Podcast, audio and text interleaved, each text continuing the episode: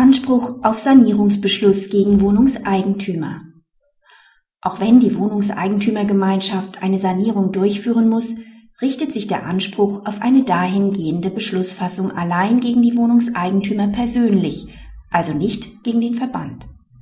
In einem dem Oberlandesgericht München jetzt vorliegenden Verfahren begehren die Antragsteller gegenüber ihren Miteigentümern die Durchführung bestimmter Sanierungsmaßnahmen.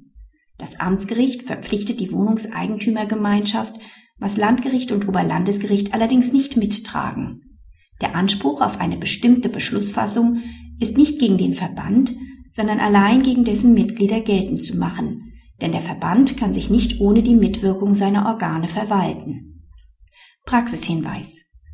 Die der wohl herrschenden Meinung in der Literatur folgende Entscheidung ist zutreffend, denn nur die Wohnungseigentümer können die Willensentscheidung treffen, ob der Verband tätig werden soll. Wenn ihnen demnach die Beschlussfassung obliegt, müssen auch sie gerichtlich in Anspruch genommen werden